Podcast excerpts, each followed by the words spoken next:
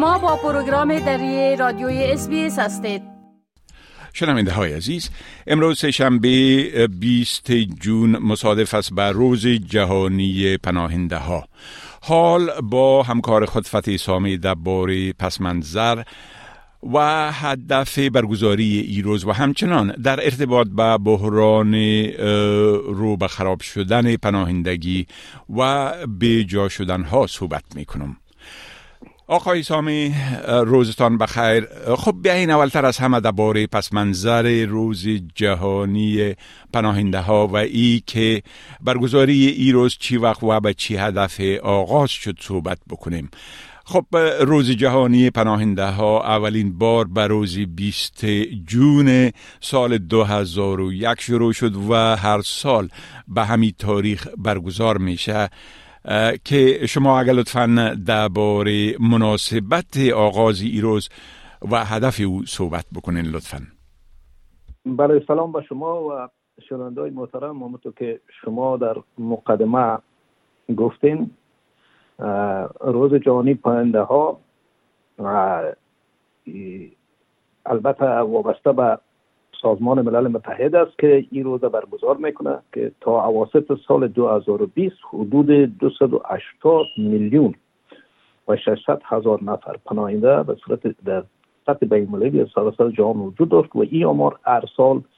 رو به افزایش است و شده 6 درصد از جمعیت جهان نشان میده در سال 2010 این آمار 221 میلیون و در سال 2000 2010 221 میلیون و در سال 2000 یا مار به 173 میلیون و 200 هزار نفر بالغ می شد روز جانی پنده ها یک روز المللی است. همونطور که گفتیم توسط سازمان ملل متحد برای گرامی داشت از پناهنده ها در سراسر جهان تعیین شده و هر سال برگزار میشه و قدرت و شجاعت افراد را جشن می‌گیرند که بر فرار از درگیری یا آزار و اذیت مجبور به ترک کشور آبایی خود میشن یا محل اقامت معمول خود میشن روز جهانی پنده ها فرصت است برای ایجاد امدلی و درک نسبت به وضعیت اصفناک و تراجید از اینها و بر شناختن و جلب کمک و همچنان انعطاف پذیری در مقابلشان برای که بتانن در باسازی زندگی خود اقدام بکنن.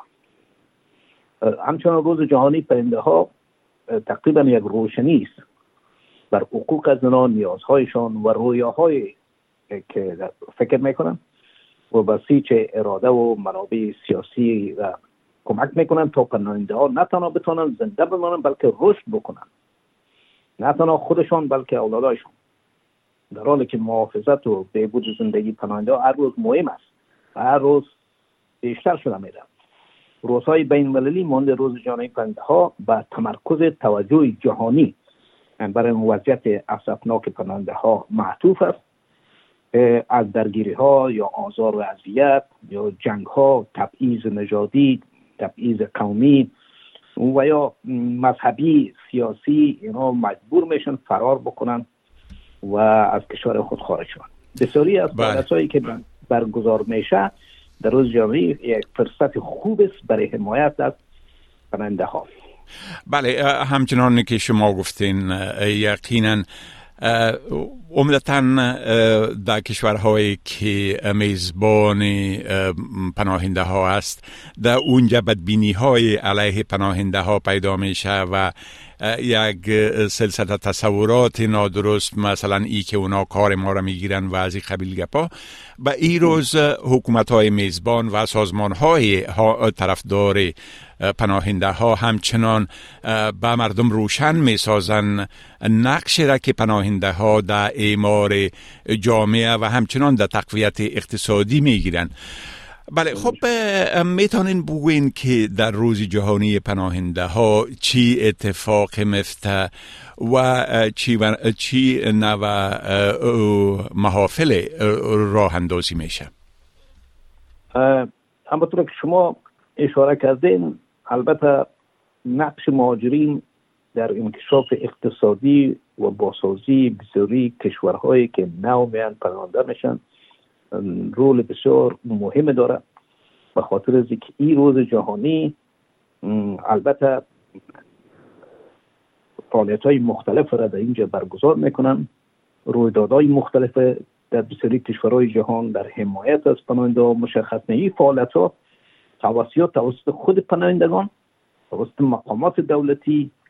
می جامعه میزبان شرکت ها افراد مشهور دانش آموزا در مدارس دانشگاه ها و همچنان معافل عمومی که از طریق گردمایی خود پناهنده ها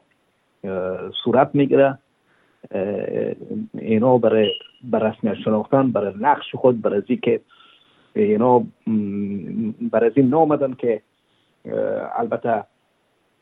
کار کسر بگیرن یا مثلا مانع برای کشور برای کشور میزبان خود ایجاد بکنن بلکه برای انکشاف ترقی آمدن و برای باسازی از کشور به او خاطر. این معافل از طریق منابع و معافل مختلف شکل می‌گیره بله من باید علاوه بکنم که طبق تخمین ملل متحد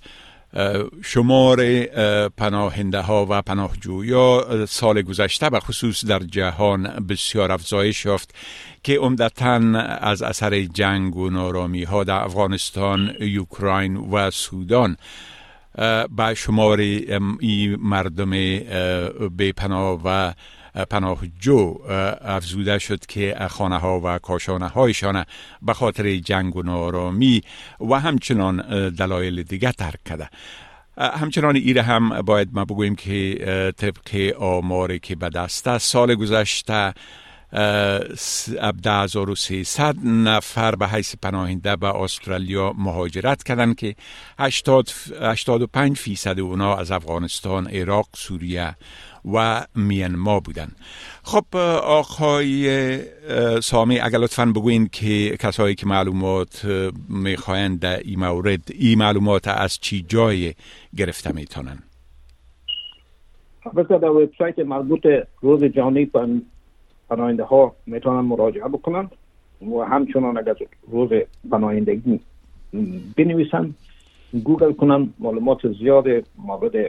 نیازشان به دست آمده می‌تونن. بله خب بسیار تشکر آقای سامی از این معلوماتتان